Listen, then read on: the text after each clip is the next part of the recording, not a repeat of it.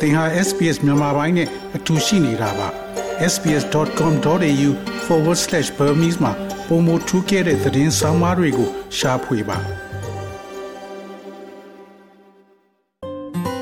SBS မြန်မာပိုင်းကို အင်ကာနဲ့စနေနေ့ည10:00နာရီမှနားဆင်နိုင်တယ်လို့အွန်လိုင်းကနေလည်းအချိန်မီနားဆင်နိုင်ပါပြီ။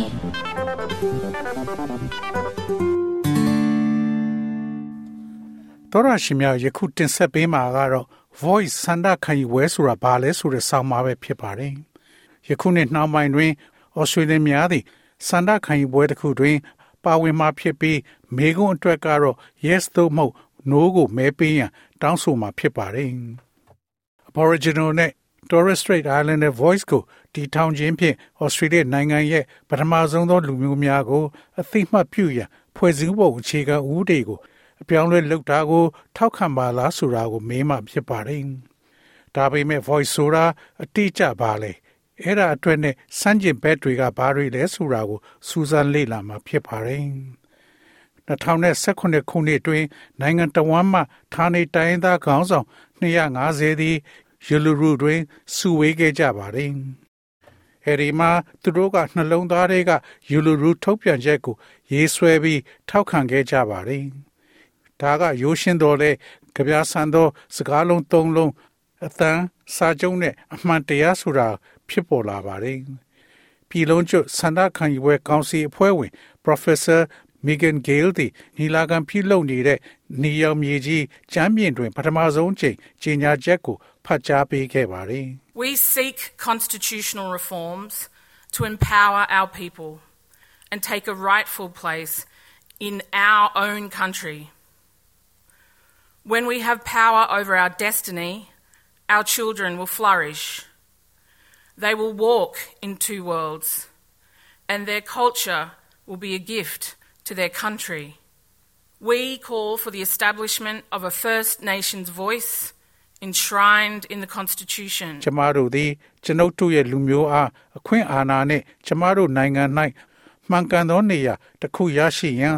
ဖွဲ့စည်းပုံအခြေခံဥပဒေဆိုင်ရာ ပြုပြင်ပြောင်းလဲမှုများကို ရှာဖွေနေပါတယ်။ကျမတို့ရဲ့ကံကြမ္မာကို လွှမ်းမိုးနိုင်ရင် ကျမတို့သားသမီးတွေထွန်းကားလာမယ်။သူတို့ဟာကဘာနှစ်ခုတွင်ကျင်လည်ကြမှာဖြစ်ပြီး၎င်းတို့ရဲ့ယဉ်ကျေးမှုတွေမိမိနိုင်ငံအတွက်လက်ဆောင်တစ်ခုဖြစ်လာမှာဖြစ်ပါတယ်။ဖွဲ့စည်းပုံအခြေခံဥပဒေမှာပြဋ္ဌာန်းထားတဲ့ First Nation Voice ကိုထူထောင်ဖို့ကျမတို့တောင်းဆိုပါတယ်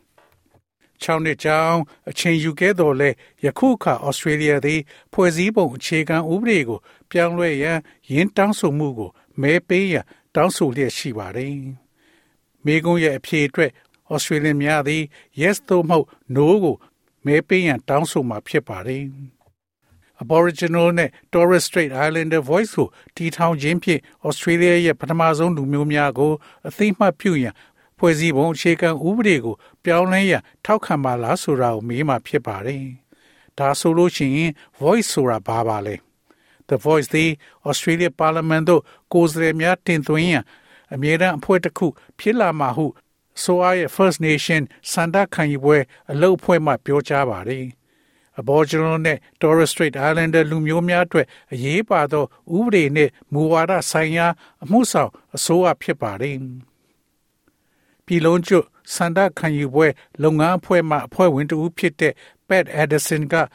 Australia သည်၎င်းရဲ့ First Nation လူမျိုးများနှင့်ပတ်သက်လာရင်ပုံမကောင်းမွန်အောင်လှုပ်ဆောင်မှာဖြစ်သောကြောင့် Voice သည်လိုအပ်တယ်လို့ပြောကြားပါတယ် It's a universal truism that when you involve people that you're making decisions for, you make better decisions and you better allocation of all the resources that are required. This is fundamental to any democracy. And you know, Australia is one of the few liberal democracies in the world that does not have ဆုံးဖြတ်ချက်များချပေးတဲ့လူများပါဝင်လာတော့အခါပုံမကောင်းမွန်သောဆုံးဖြတ်ချက်များချကလိုအပ်တဲ့အရေးမြစ်အားလုံးကိုပုံမကောင်းမွန်စွာခွဲဝေပေးတဲ့ universal truism တစ်ခုဖြစ်ပါတယ်။ဒါဟာဘယ်ဒီမိုကရေစီအတွက်မဆိုအခြေခံအကျဆုံးပါပဲ။ Australia သည်မိသည့်အစီအစဉ်မှမရှိသော၎င်းရဲ့ First Nation လူမျိုးများနှင့်အခြေချနေထိုင်သည့်ကမ္ဘာပေါ်ရှိ Liberal Democracy အနှဲငယ်ထဲမှတစ်ခုဖြစ်ကြောင်းသင်သိပါသည်ဒီ idea ကအသစ်တော့မဟုတ်ပါဘူး Reconciliation Australia မှာ Aboriginal နဲ့ Torres Strait ကျွန်းသားများသည် political voice ကိုပုံစံတစ်မျိုးမဟုတ်တစ်မျိုးဖြင့်တောင်းဆိုနေတာဟာရာစုနှစ်တစ်ခုနီးပါးရှိနေပြီလို့ဆိုပါတယ်။ Indigenous Australia ဝန်ကြီး Linda Burney ကဌာနေခေါင်းဆောင်များတောင်းဆိုတဲ့ရိုးရှင်းသောအကြောင်းပြချက်ဖြင့်အဆိုပါခေါ်ဆိုမှုကိုဂုဏ်ပြုသင့်သည်ပြီးပြည့်စုံပြီးစိစက်သေးကြတဲ့လုပ်ငန်းစဉ်တစ်ခုကိုအစိုးရကစတင်လှုပ်ဆောင်ခဲ့ပါတယ်လို့ပြောဆိုပါတယ်122 years after the Australian Constitution was formed more than 80 years since William Cooper uh, had his petition 35 years since the Barunga Statement 30 years since Keating's Redfern speech. 16 years since John Howard promised a referendum to recognize, for recognition. 15 years since the apology. 13 years since the expert panel on constitutional recognition And six years, everyone, since the Uluru Statement from the heart. The question must surely be asked how much longer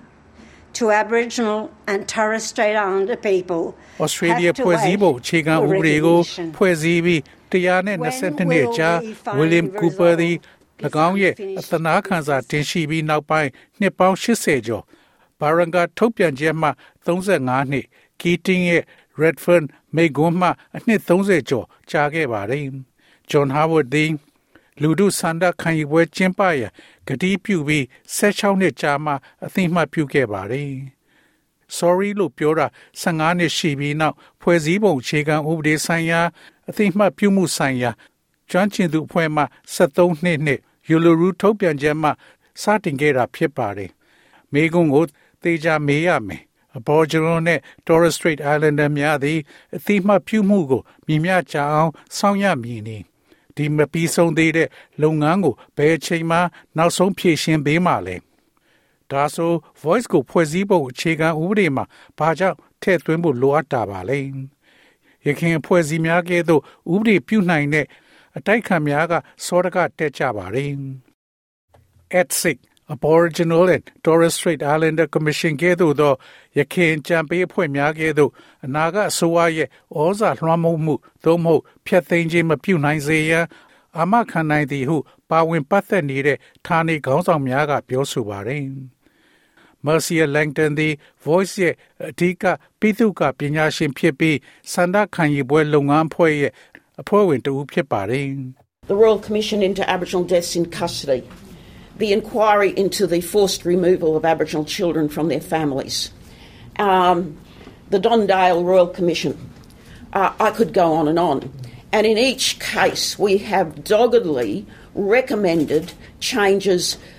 to stop the deaths, the incarceration,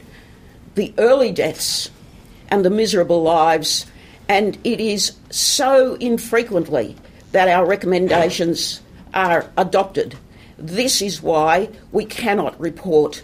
on many improvements in the closing the gap indicators. We're here to draw a line in the sand and say this has to change people's lives. Aboriginal များတည်ဆုံမှုဆိုင်ရာ Royal Commission ဘိုးဘွားဘီဘင်းကလေးငယ်များကို၎င်းတို့ရဲ့မိသားစုများမှအတင်းကျပ်ဖယ်ရှားခိုင်းခြင်းနဲ့ပတ်သက်၍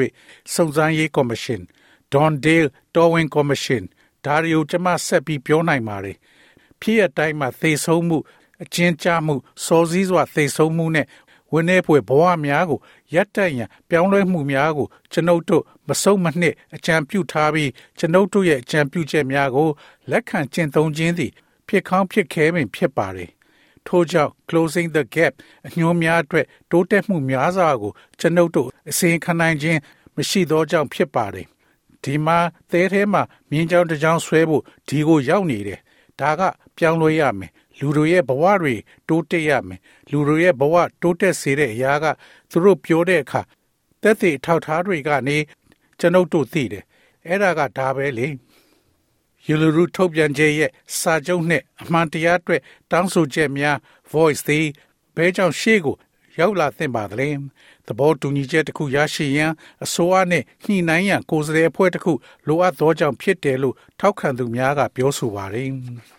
စစ်တမ်းများကဩစတြေးလျလူထုသည်နိုင်ငံရဲ့မူလနေထိုင်သူများကိုဖွဲ့စည်းပုံအခြေခံဥပဒေအရအသိမှတ်ပြုမှုကိုခြေခြေပြန့်ပြန့်ထောက်ခံကြောင်းအချိန်ချင်းပြသခဲ့ပါတယ်။ သို့တော်လည်းအခြေတင်ဆွေးနွေးမှုများအရှိန်ဟုန်ပြင်းလာသည်နှင့်မျှအထူးသဖြင့် voice အဆိုပြုချက်ကို ထောက်ခံမှုလျော့နည်းသွားခဲ့ပါတယ်။အဆိုအသည်ဗက်မလိုက်သော ထောက်ခံမှုကို မျှော်လင့်ခဲ့ပါတယ်။။တမိုင်းကဖော်ပြသော လူမှုစန္ဒခံယူပွဲသည်ရင်းမပါဘဲအောင်မြင်ရမဖြစ်နိုင်ပါဘူး။သို့သောအတိုက်ခံညွန်ပေါင်းပါတီသည် No Campaign ကို ထောက်ခံရန်ရွေးချယ်ခဲ့ပါတယ်။အ တိုက်ခံခေါင်းဆောင်ပီတာဒန်တင်ကအဆိုပြုချက်ကိုကင်ဘရာရဲ့အသံဟုအမည်ပေးခဲ့ပါတယ်။ For voices embedded in the Constitution, the Parliament can't change the voice or pass laws to override it. The Parliament cannot out legislate the Constitution. If Australians have buyer's remorse, the voice comes with a no returns policy. It's here to stay. And yet, this institution hasn't even been road tested. It hasn't been legislated, as has been the case in South Australia. ဖွဲ့စည်းပုံအခြေခံဥပဒေတွေ voice ခုထည့်သွင်းထားရင်လွတ်တော်သည် voice ကိုပြောင်းလဲခြင်းသို့မဟုတ်လွှမ်းမိုးရန်ဥပဒေများကိုအတည်ပြုခြင်းမပြုနိုင်ပါဘူးလွှတ်တော်ကဖွဲ့စည်းပုံအခြေခံဥပဒေကိုပြဋ္ဌာန်းလို့မရဘူးဩစတြေးလျနိုင်ငံသားများသည်ဝယ်သူများနောင်တရမှုရှိပါက The Voice သည်ပြန်ပေးနိုင်တဲ့မူဝါဒဖြစ်မလာပါဘူးဒီမှာနေနေဖို့ရှိတယ်သို့တော်လည်း ဒီအဖွဲ့အစည်းသည်တကယ်တမ်းစမ်းသပ်မှုများမပြုလုပ်ရသေးပါဘူးတောင်ဩစတြေးလျမှာဖြစ်ခဲ့တဲ့အတိုင်းဥပဒေမပြဋ္ဌာန်းထားပဲ Albanese အစိုးရမှာဒါမျိုးရွေးချယ်ခြင်းရှိပါတယ်ယနေ့သူတို့အတွက်ဒါကိုဖွင့်ထားပေးပါတယ်အတိုက်ခံရဲ့အစိုးရရှိနေချုပ်မှာမြောက်ပိုင်းနယ်မြေရဲ့အထက်လွှတ်တော်အမတ်တဦးလည်းဖြစ်တဲ့ Jacinda Number Jimba Price ဖြစ်ပါတယ်။ Voice သည်လက်တွေ့ကျသောအကျိုးကျေးဇူးများရရှိစေမဲ့တိုင်ကြားချက်များအားမေးမြန်းခဲ့ပြီး Voice Debate သည်ဌာနေတိုင်းသားအတိုင်းဝိုင်းများရင်ဆိုင်နေရသောတကယ်ပြဿနာများမှအာရုံပြောင်းသွားကြောင်းပြောဆိုပါတယ်။ We're being put on hold until this referendum is done, and real issues aren't being addressed immediately because the Albanese government is suggesting that it is a voice to Parliament that is the only thing that is going to solve some of our tough issues, which is completely and utterly untrue. It is his responsibility, it is the Minister for Indigenous Australians' responsibility to address these immediate concerns that are taking place right here, right now. ဘာကြောင့်လဲဆိုတော့ Albanese အစိုးရဟာကျွန်ုပ်တို့ရဲ့ခက်ခဲတဲ့ပြဿနာအချို့ကိုဖြေရှင်းနိုင်မဲ့တခုတည်းသောအရာဖြစ်တဲ့ Voice to Parliament ကိုအသံပေးဖို့ကြံပြုနေတာကြောင့်ပါ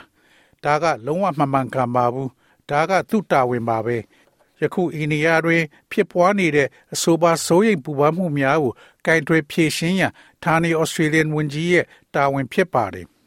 တခြားဝေဖန်မှုများတွင် The Voice အဆိုပြုချက်သည် အသေးစိတ်အချက်လက်များကင်းမဲ့နေပြီးလူမျိုးရေးအရာကွဲလွဲနေပြီးတရားဥပဒေဆိုင်ရာစိန်ခေါ်မှုများကိုခံနိုင်မရှိနိုင်ဘူးလို့ဆိုပါတယ်။ Warren Mundy သည် no လှုပ်ရှားမှုအတွက်ပြောရေးဆိုခွင့်ရှိသူဖြစ်ပါတယ်။ My view on the voice of parliament is, is it's a total waste of money. You know, there's 300 and something million dollars being spent, which could be spent on community projects out there in the regions of remote Australia. It is built on a falsehood that Aboriginal people don't have a voice. We've always had a voice, and we've had always a strong voice ever since 1973. So my thing is that we need to get economic development, jobs, uh, education voice to parliament အပေါ်ကျွန်တော်အမြင်ကတော့ဒါဟာလုံးဝဖြုံးတီးမှုတစ်ခုပါပဲဒါတွေကိုဝေးလံခေါင်တီးတဲ့ Australia ရဲ့ data မှာရှိတဲ့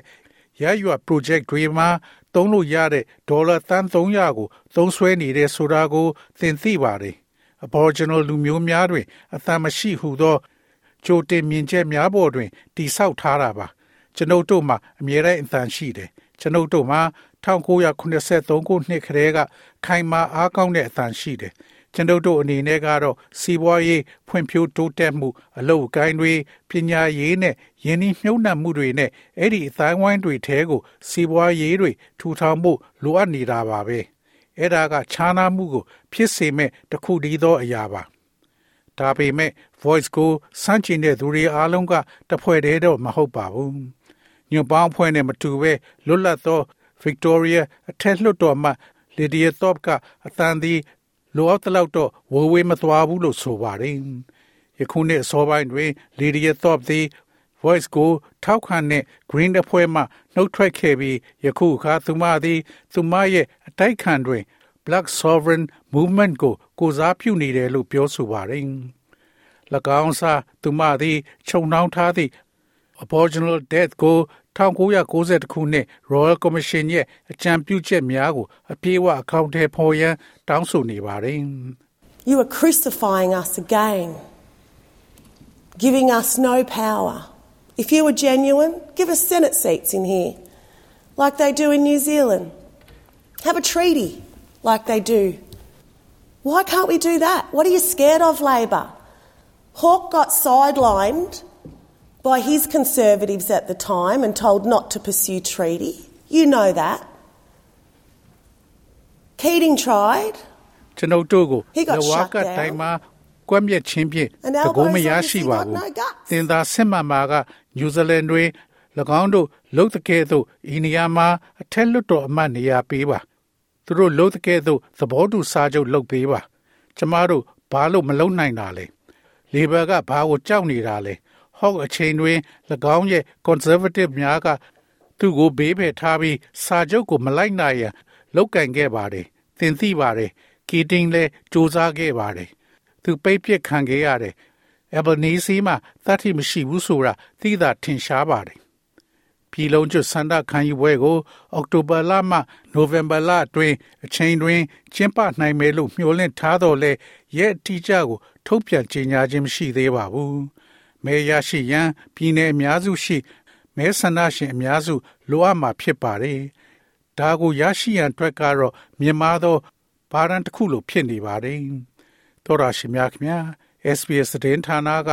Clay Seltery ရဲ့ဆောင်းပါးကိုဘာသာပြန်တင်ဆက်ပေးထားတာဖြစ်ပါတယ်ခင်ဗျာ sbs.com.au/bemis ကို home နေရာမှာထားပြီးတော့အမြဲတမ်းနှာစင်နိုင်ပါတယ်။ နောက်ဆုံးရသတင်းတွေ၊ဆောင်းပါးတွေနဲ့စစ်တမ်းတွေမှာပါဝင်ပြီးတော့ဆက်သွယ်မှုလုပ်နိုင်ပါတယ်။ sbs.com.au/bemis ဖြစ်ပါတယ်ရှင်